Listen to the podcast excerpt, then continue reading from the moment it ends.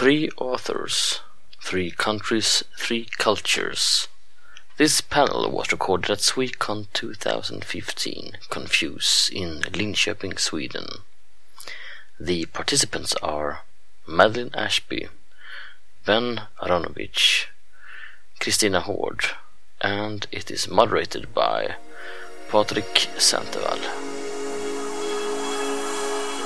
Sweconpoddar, en poddradio från svenska science fiction och fantasykongresser.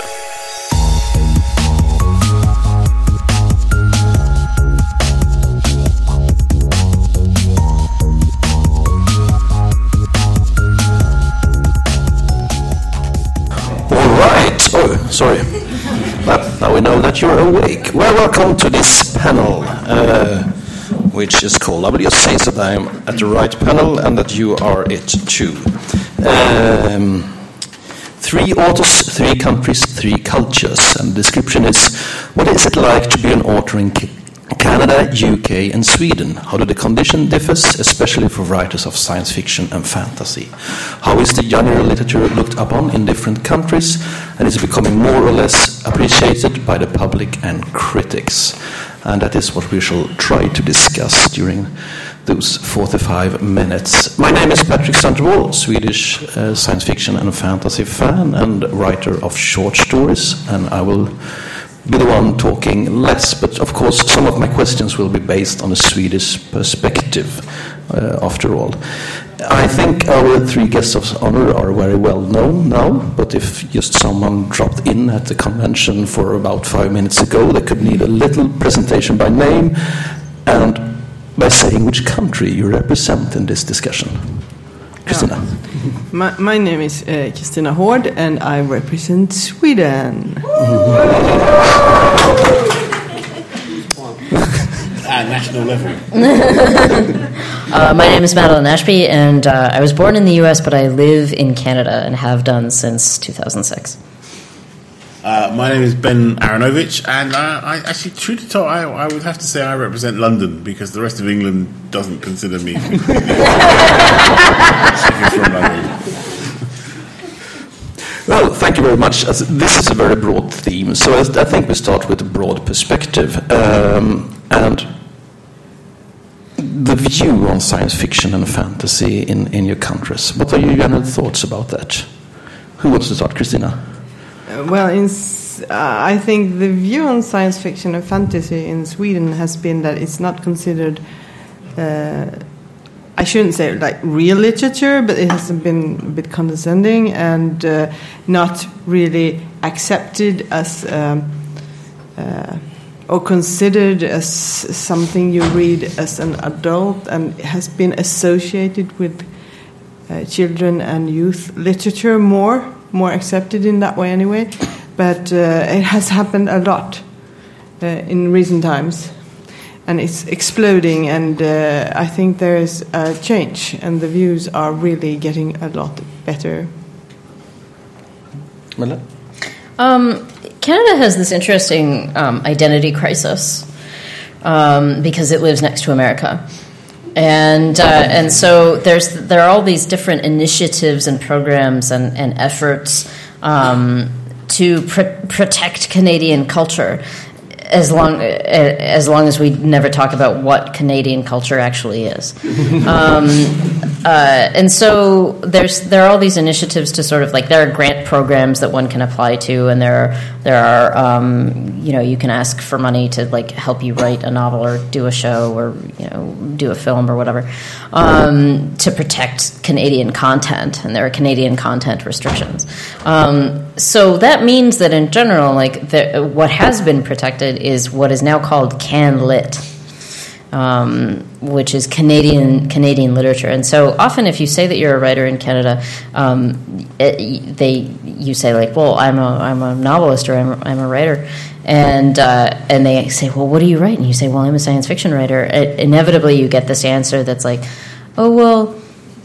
I read Alice Munro, which is to say, you know who Alice Munro is, fa- very famous Canadian writer, and like especially among Canadians of an older generation, there's they're like uh, they only want to be seen to be reading uh, sort of Canlit or highfalutin liter- like hi- like high literature or mainstream literature, literary literature with a capital L, um, that that kind of thing. So when you say that you're a science fiction writer, I had the most interesting story I have about this is that I, I was at a party thrown by my agency by my my agents through a they every year they throw a party, and they said you know they invite all of the clients who are genre clients and non-genre clients. And they i met this guy and and uh, he I, he said oh are you a writer too? And I said, well yeah i'm a novelist. And he's he, he, what do you write? Well i'm a science fiction writer. And he's like oh you probably write a book every year don't you and i said yes and and, and he said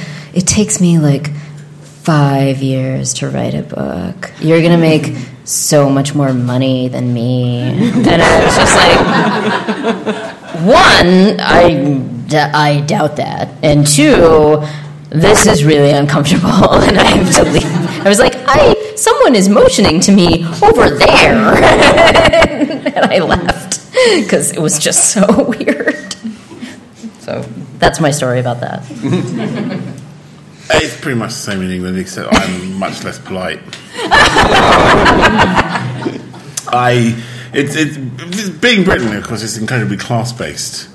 So uh, there's a, there's a whole veneer. I, I, I use that word advisedly. A whole veneer in, in the same way that if you imagine um, farmyards get a veneer of uh, of posh people who basically run all the cultural institutions and they hate science fiction. They absolutely hate science fiction with a passion that you know it's, it's like we they ate we ate their mother or something. It's really really personal. I mean, it's like really really personal. It's like it's like those old time racists who can't sit in the same room as a black person. It's just really that kind of visceral. And and we of course reciprocate with our kind of own visceral hatred of them.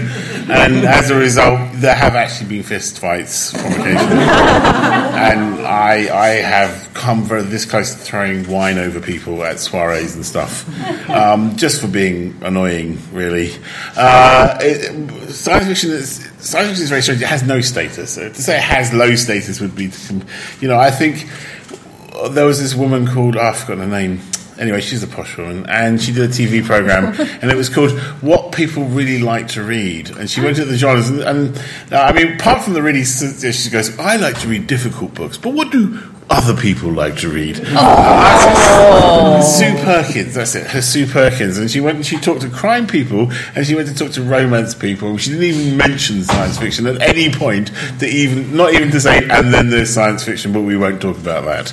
Okay, so uh, we just, just we just dropped off the literary map. So um, that is the state of science fiction. However, fortunately, science fiction is very popular with everyone else who's not a posh I nearly used a bad word there, posh person. Um, uh, and and so therefore we, it actually sells quite well. So and and of course every so often it's enormously popular. So it's fun watching the, the success of Game of Thrones on television Yeah. and watching all Yeah. these journalists uh, who are from the veneer of veneer of cultural institution.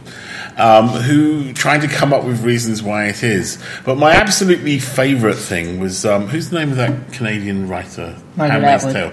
Margaret Atwood. I was on right? a panel with her. I'll tell this story when you're. Good, good, because you can segue into it. Jeremy Paxman was interviewing, and Jeremy Paxman is a very, you may have heard of him, he's a very popular um, interrogatory interviewer.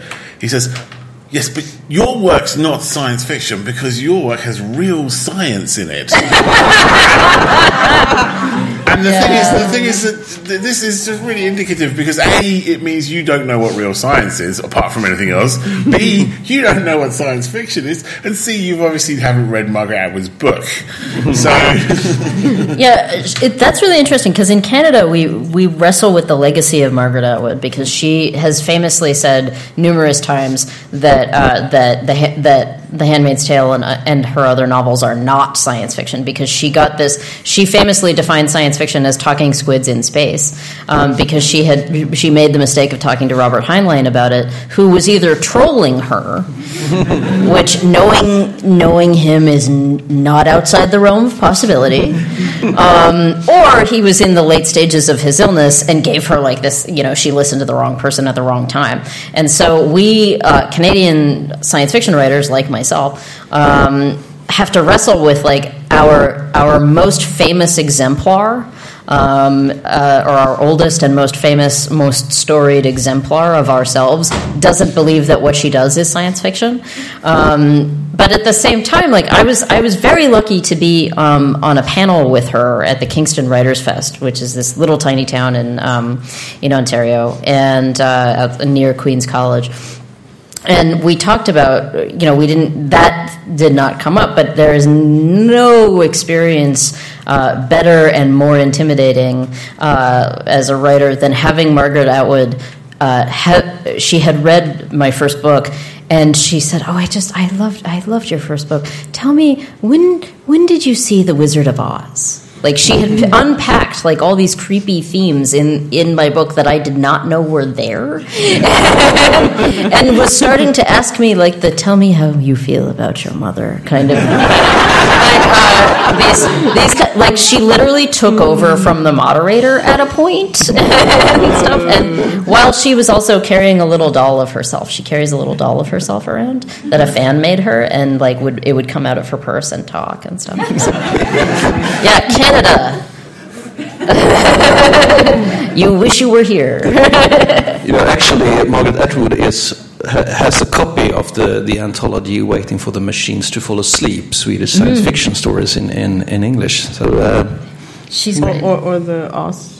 Sorry, She might think it's the Wizard of Oz. we don't know that yet. She had tweeted about that she owns it, but not what she likes about it. But, Yeah, but yeah. This, this brings me on to a, to another question, uh, and, and perhaps it, we we already know the answer. But this is this some books like Atwood that or, or authors that are not that we know are science fiction, but the rest of the world or the publishing house or the bookshops doesn't want to label as science fiction or fantasy in Time Sweden. Traveler's Wife. Yeah, Time Traveler's Wife, uh, The Martian. Strange, and Mr. Norrell.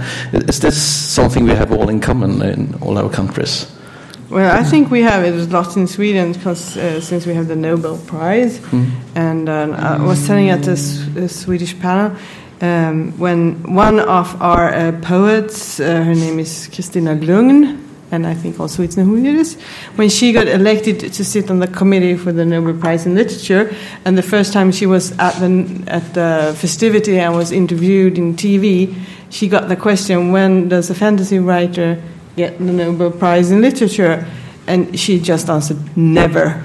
And, and then, of course, lots of writers have Selma Lagerlöf, Harry Martinson, uh, mm, lots of more that has written science fiction and fantasy has already got the prize, so they don't know what they're talking about. But they don't recognize them as uh, uh, fantasy or science fiction No. I've, I've often said that, that uh, magical realism is, is fantasy written by someone called Juan. yeah, yeah, yeah, yeah. yeah. See, and, and this is the thing because if they like it, you see, they will relabel it and, and they will say, give you all these reasons. The the classic is 1984, and if you pick up a copy of 1984, which I did for as an O level text at school, and you pick it up and it says. Uh, Orwell decided to write in the style of a scientific romance, which was the term then, and you think, no, he didn't. He wrote a science fiction book. It's it's about as science fictional as anything Heinlein was producing at the time. You know, E. Doc Smith thought it was science fiction. It was bloody science fiction. Full stop. You know, and but they can't they can't say that, so they have to come up with kind of like excuses. But I, I have a different problem. I am marketed aggressively as science fiction by a science fiction publishing company, and I don't sell to science fiction readers in the UK. I sell. We don't know who I sell to. I think there's possibly a warehouse run by my mother. But uh, I, I sell, I sell, I don't know, crime people as far as I can tell. Lots of crime people, um, and that that I didn't do that on purpose. It's like, oh, no, um, which always puts me in a very funny position in this because I'm aggressively yes, science fiction, and everyone, but I don't read science fiction. Yes, please read my book. It's it's it's kind of science fiction. No, it's it's definitely a trend. I mean, like we're we're seeing, you know, um, like my probably the most recent example of this is something like The Magicians, um, which is you know a huge uh, uh, commentary on magical school books. From Harry Potter to, to other like and, and, and it's a Harry it's a, to- to Narnia to well like I was gonna say like it's it's a it's a magical it's uh, there's another one that he was writing also specifically about, and I can't remember the title of it, but the um, uh, I think probably the Diane Duane novels, like um, uh, the.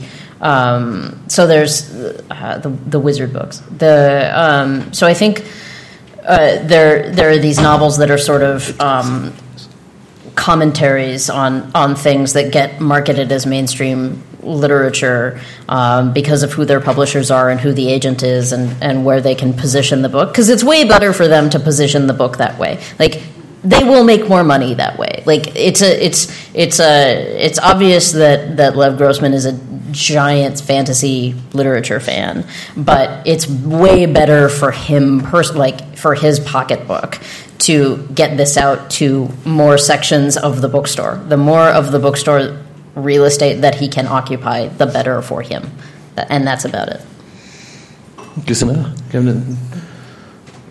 thoughts? You know, your second book wasn't labeled as science Uh, fiction. no, my, fir- my first book. Your first was- book. My first book wasn't labeled as science fiction, uh, so uh, it, it did work. Uh, it did get reviews in the newspapers. That is not very common. Um, uh, and but it was labeled by by the by the, in the reviews. It was labeled as science fiction the very next day. But it worked as they picked it up because they, they, they, they get this list with books and they can choose from which one to to give a review. And um, so it worked that way to trick the journalists. Yeah. I don't think it would work again, though. And and I can see my next book that wasn't uh, science fiction or fantasy. I think uh, it was. I think because it's, it's, it's, it stood in the information about me that I had written a science fiction before, and I think that was negative because then they did not choose that because then I was a science fiction writer and not any writer.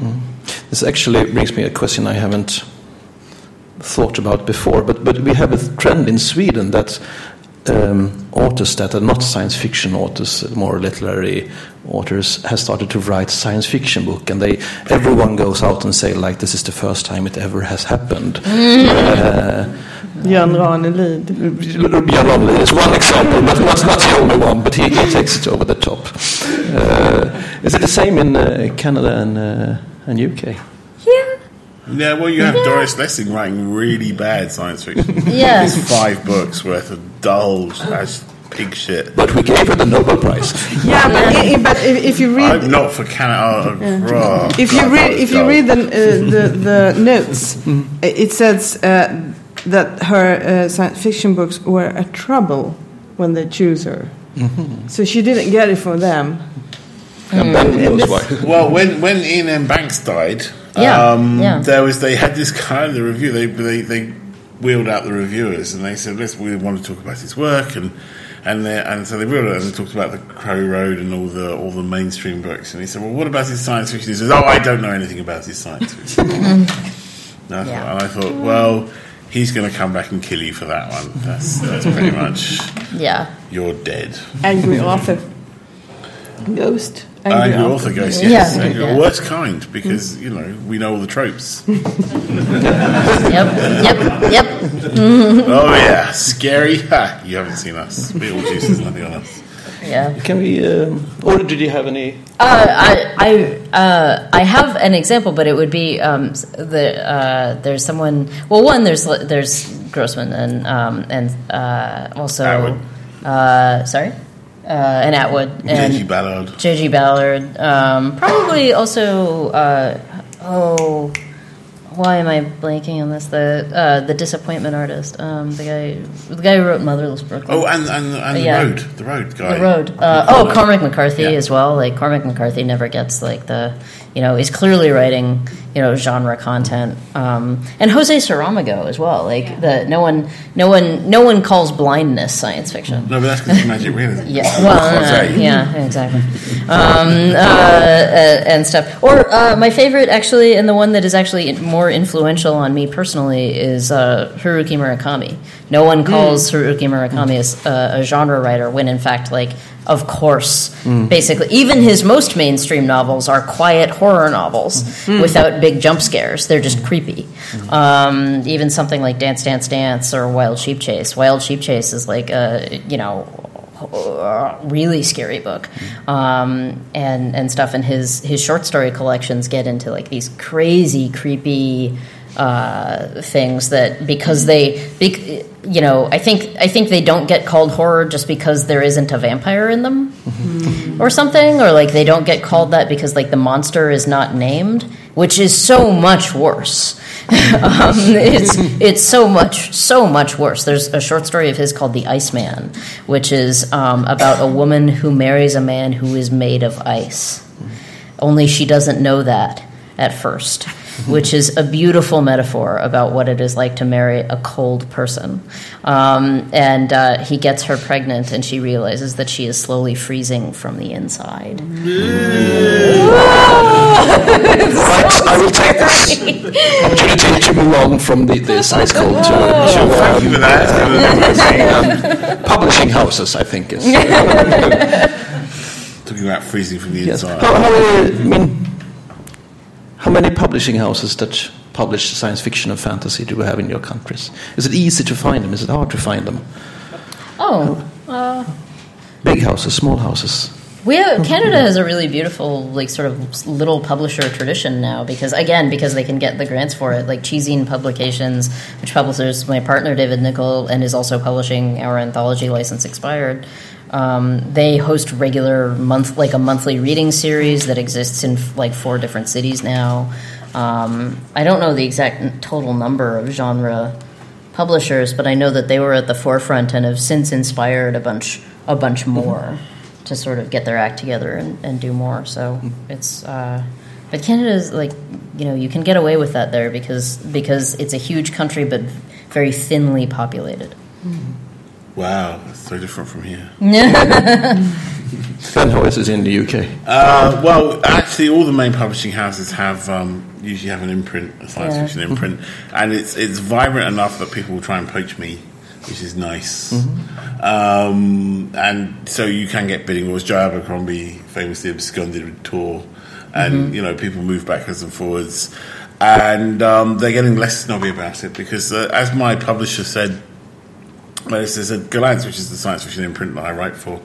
Um, he said the thing about Gollancz books is they sell steadily, and this is becoming more attractive to publishers as the kind of mid-list authors disappear. That you know, you get a couple of good authors, and they just books stay in the list, and they just keep going. They don't they don't fade away like you get a lot of successful books that come up and then they die away. But so they don't get huge front sales, but they get nice steady sales, which is kind of a nice thing to have for a publisher. And so therefore. Um, and also, it does sell. It just sells. Every so often, you have a science fiction bestseller, and you know, and off it goes, and they, they, they snap it up. Um, and then there's Angry Robot and people like that. and every so often, someone, Solaris, someone will start a small publishing house which will go out of business. But not before doing some good covers. Angry Robot does nice covers. There you go. Yeah, yeah. Terrible books, but lovely. What are you saying? when, when, when I uh, started out and tried to find a publisher, there were very few that were specializing in, in, in science fiction or fantasy, and it wasn't that easy. Uh, and um, the publisher I, I did get, uh, which was Kabusa, who now has the imprint, uh, Styx Fantasy, is one of those who has an imprint. Otherwise, we have a lot of small publishers that are coming because I think there are no really. I mean, there is a niche they can take, and I'm glad they're doing it, and I hope they will put pressure on even the bigger publishers so uh, the genre can grow because I think there is a real potential, and, and, and the small publishers uh, are really doing a good thing for this. I don't know how many, do you? Almost 10, I think. Yeah. I, the, the thing about genre is it, it's in terms of cross border, it genre goes cross border much more easily than, mm-hmm. than a country's literary fiction. Yeah. Even Anglo American, British genre goes over the borders much faster than an American genre comes over the borders much faster, both crime and science mm-hmm, fiction, mm-hmm. than literary fiction does, despite the best efforts of the, the, the veneer. Um, yeah, Yeah, we, we're hoping for that because we had a crime. Yeah. You had the huge. yeah, but now I, I've heard that they are not as interested abroad for the crime novels. It's harder to sell a Scandinavian. Well, there, there was a crime phase where they just literally bought everything. Yeah, yeah. So it's not yeah. really that There was a- there was a surprising that boom. it's kind of like- there was a boom, and then it, you know.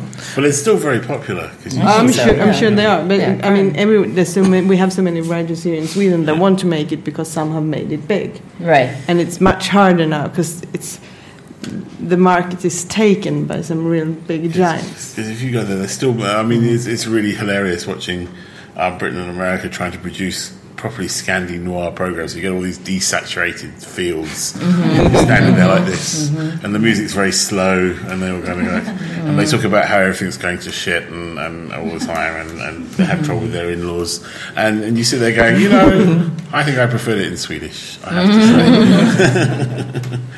But this is also, I don't know really how, what the question is, but uh, we will be, I'm sure you will find something to say about it. But, but this is the language. I mean, we have here represented a very small language and a very big language, and a very big language that everyone that talks a small language like Sweden reads. Um, and of course, neither of you are from. I mean, you are originally from from the states, but you are live in Canada and write Yeah. as Oh, Canadian yeah. author. So you have at least the competition, both for the UK and Canada, with this huge market. Uh, Yeah. and and we have none competition. We mean for Sweden. I mean. We are very small, uh, but sometimes we, can, we have to get translated to reach a bigger audience. Um, I, I do really badly in the states. My Yeah? markets, yeah, my, my market, my sales in Germany are ten times my sales in in Germany, yeah, in Germany, okay. ten times my sales in America. To the point where I've essentially pretty much given up on the states as a market. Okay. I mean, it's nice to have, and, and it does earn some money. It's not insignificant because even a tiny, tiny market share in, in America is quite a substantial earner. But um, I, I've come to the conclusion that just some things don't translate over the pond, mm-hmm. and I think mm. mine, you know, some things do, some things don't. Mine doesn't, and you can't make them like it. So, and you, it's a mistake to try and uh, generalize your books to the point where Americans get it because usually at that point they're doing a better version of it somewhere than you are. So, Yeah, that's the history of Canadian television right there. Yes. so But do you feel that difference between Canada and, and uh, USA? Yeah, yeah, I felt it. Yeah, yeah, no, it's it's definitely there. I mean, um, uh, there. The, well, one for one, the idea that you can get grants to to write something is just so far outside the realm of the American experience.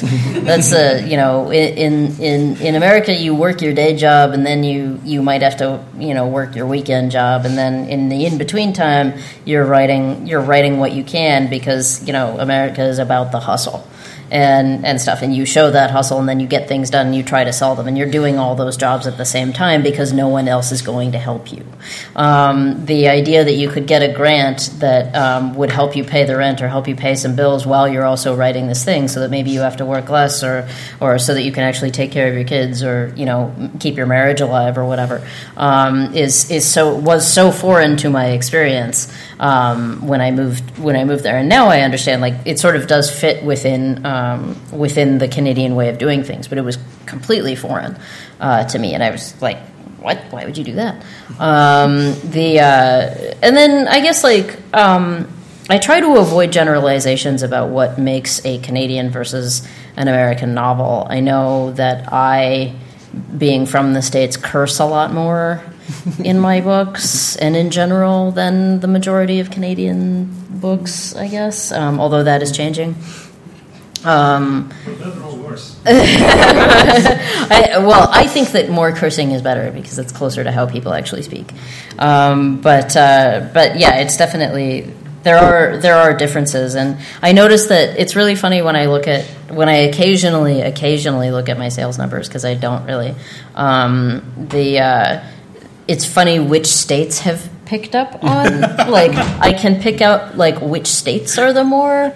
Uh, it's like California, Washington. Uh, uh, I think you Texas do for that some thing reason. on, on Amazon, don't you? Yeah, no. Well, other people do it for me. Actually, like I remember when VN came out, uh, other like both uh, my partner and then my partner's publisher were actually sending me reports because I wasn't looking at them. But I also stopped looking at my grades in university past a certain point. So like, yeah, I just don't look at the numbers really.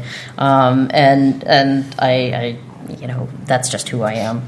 Uh, so it's there are there are for sure uh, there are for sure differences, and um, it's and they're un, they're uncanny little differences. They're they're small but important. It is very interesting. Um, I don't know if you guys know Charlie Stross's work, the laundry Oh, yeah. books. Oh, yeah. The laundry books are exact opposite of mine. They sell very well in America, don't sell in England. Yeah, Yeah. yeah. And, you know, both London based supernatural thrillers. You go, go. Laundry? They, the laundry's. No, they don't sell very They sell well. less than in America. Yeah. They sell very badly in Britain. No one's ever heard of Charlie Stross in Britain. He tries to berserk. It has to, it has to be said. I blurb him. It's very funny because I blurb him in England, and it's like it's uh, as recommended by Ben Aaronovitch. He tries.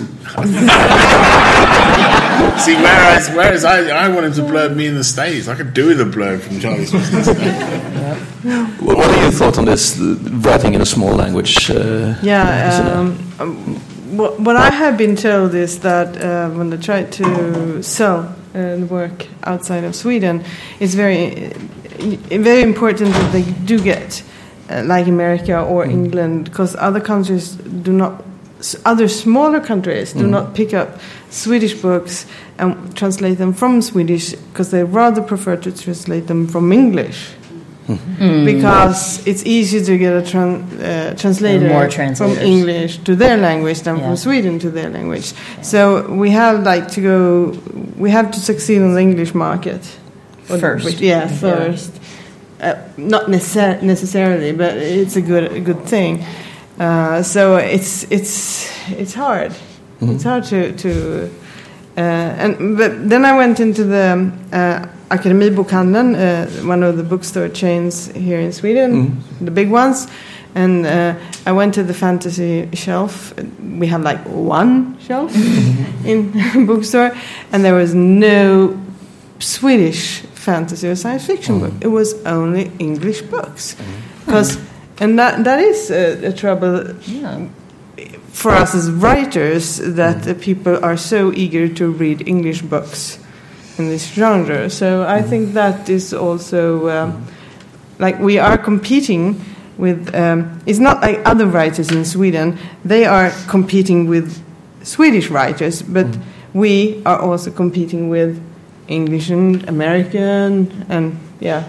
Writers, yeah. and we are when in reviews they can compare us with uh, with British or American writers, but you never see them comparing Swedish crime stories with American crime story writers because they compare them with other Swedish writers. So it's like our field is much broader and it's harder to get through. Mm-hmm. That's an interesting thought. I will soon let in some questions from the audience, but first something that we haven't talked about, and also I don't really know how to pose the question, but, but it's something about your influences and, and common themes from, from your countries. Um, Are you all influenced by the same Anglo-Saxon I- I- writers, or This, this is very interesting because um, someone said to me, said, "Your book's got a lot of."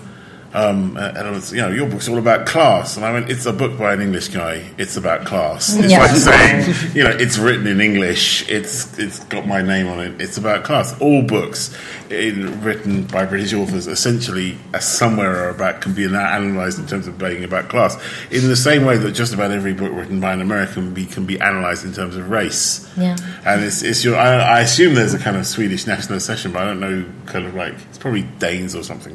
Social realism. yes. yeah, social realism? Can, can, can be analysed in, in a particular kind of way, um, and that so there's there always that that's a kind of fundamental building block thing that you're not even aware really that you're doing it while you're doing it. No, yeah, there's there's always like some sort of national struggle that that, that you're always participating in, and and Right. in Canada it's something like you know how we are not Americans, Yes. or, or like or um or You, you uh, should write something about robots not wanting to be Americans. yeah, right. They all immig- they all leave. Um, there, it's something like how we are not all Americans, or um, uh, or who. It's you. It actually in Canada, it's something like who are we really? Because there's this sort of um, this this notion of like. Uh, there's this deep discomfort with like what we had, what Canadians had to do to conquer Canada, and and the fact that Canada is made up with of both English and French lineages, and um, and basically the success of Canada being founded on a bed of literal plague blankets, and uh, and the total decim- the total decimation of, of the native peoples in order to, to make that happen. Um, so there's this sort of uh, there's this thread of this sort of dark Gothic legacy of you know here are all the people we displaced in order to have our position. Um, so there's there's definitely that. I guess in terms of of influences genre wise, I think it's really easy to have the same influences across the board in terms of like super popular writers. Like if you brush up against really you know popular like my mom for example um, my mom loves to tell the story about how I literally cut my teeth on a collection of Stephen King short stories called Night Shift, and and by that she means that she had a copy of Night Shift, the one with the eyes in the hand, and uh, and on one corner are my bite marks because I was teething while she was reading it. Um, and then I later, at a very formative age, read that that collection and a bunch of early Stephen King works, and those were hugely, hugely uh, influential to me. But then I went on to other stuff, um, like you know. Uh, uh, Murakami, for example, and, and other stuff. So I, I, weirdly I knew nothing about Canadian literature when I moved to Canada, and I sort of had to get get educated. And it's it's nice because someone will say a name to me uh, uh, in these hushed and reverent tones, and I'll be like, "Oh, who is that?" It is, actually funny because on the crime siding writing side, I'm actually strongly influenced by Sweden, which is quite fun. See, which is which I don't think Swedes get to say enough, but their crime writing has been hugely influential right across the Anglosphere and probably beyond. But who cares about beyond? Um, uh, and and so you know, and everyone wants to write like Stieg Larsson or, or or whatever that really depressed Icelandic woman is, and and all the other really depressed guys, um, Norwegians and like, and uh, and and that's that has been a major major influence, and I was very strongly influenced, although in a kind of negative way when I. Um, I, I would like to know if there is a kind of a cheerful, cozy Scandinavian crime genre because I'd really like to read. some. Yeah. I think I think uh, really what Ben's saying, like uh, social realism, it has. I mean, all the working class literature in Sweden, which I think influenced the crime literature. That's why they are so like they are, uh, and uh, I think we have it in us, and it's reflected on television shows and, and children's shows on TV when we were small of the social realism. Everything and- in black and white. yeah, that's it. And uh, like consensus culture we have, and everyone has to to to um, agree on everything, uh, and not uh, be too much on either side.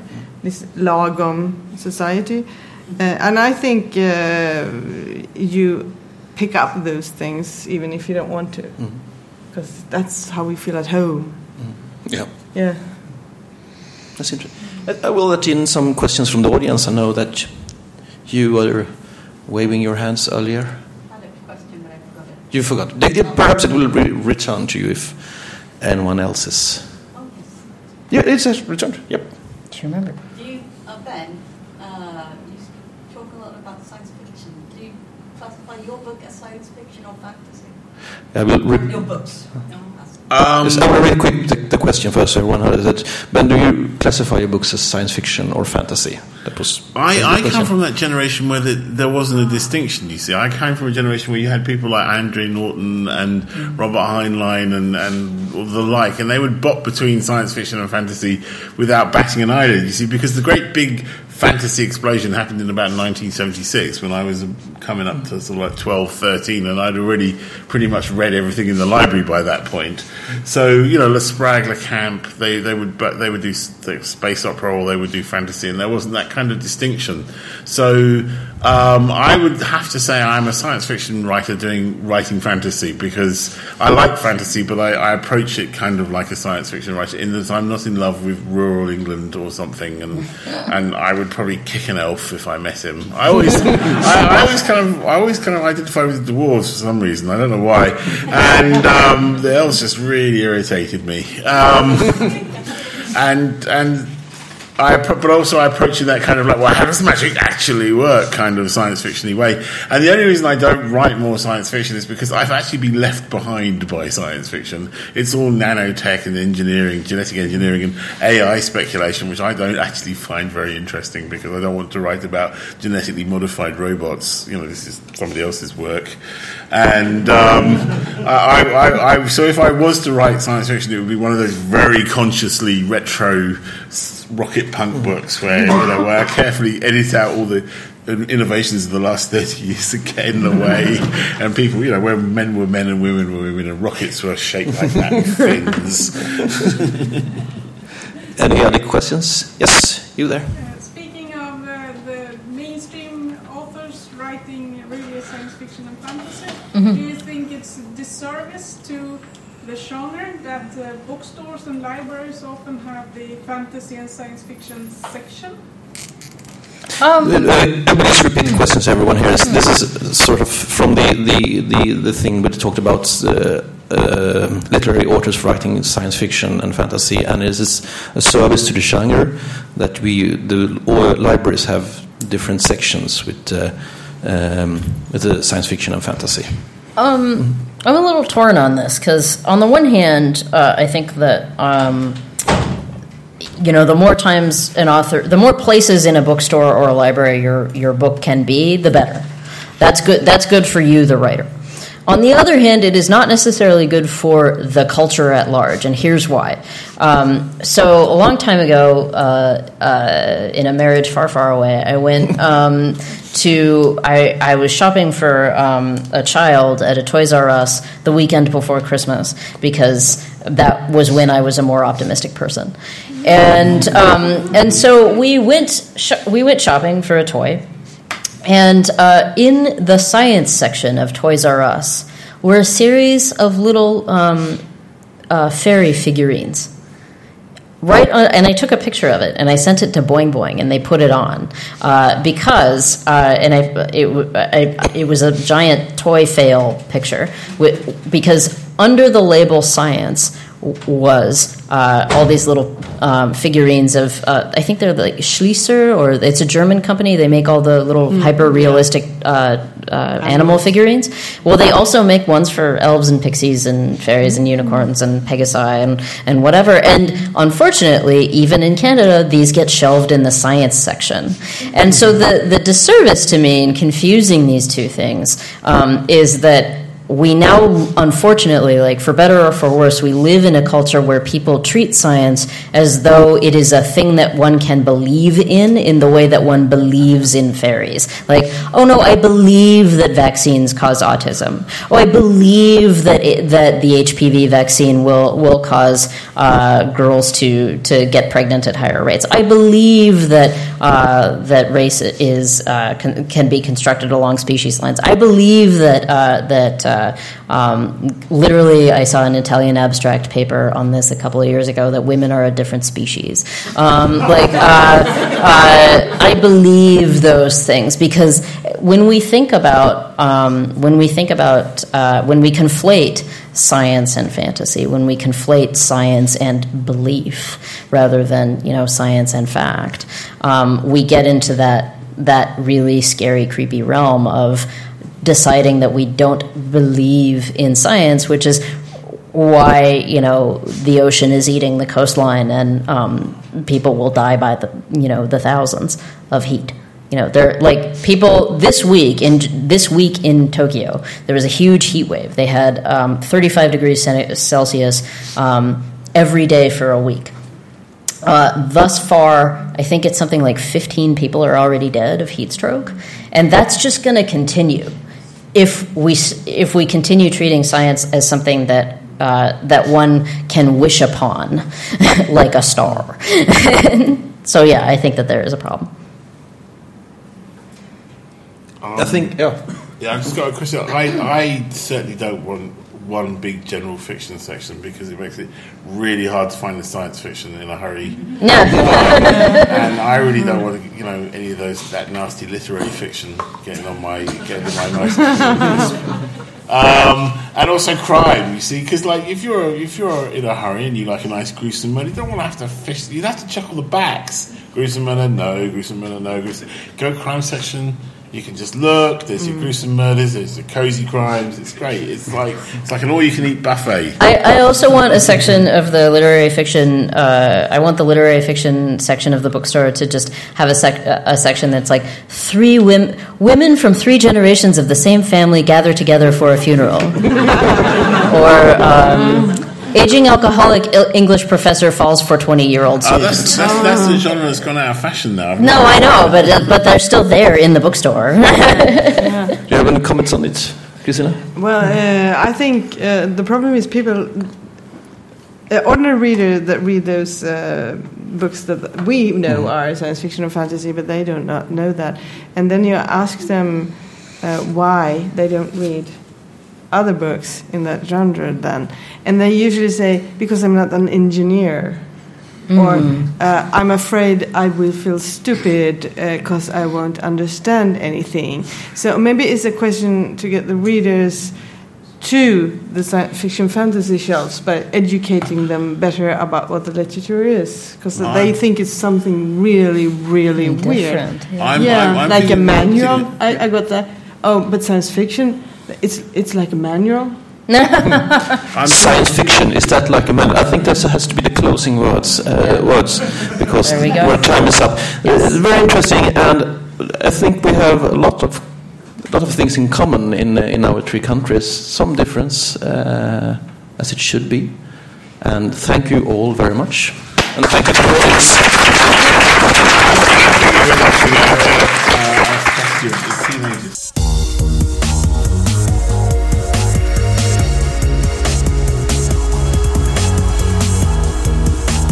Musiken av Psychedelic Pedestrian från Free Music Archive.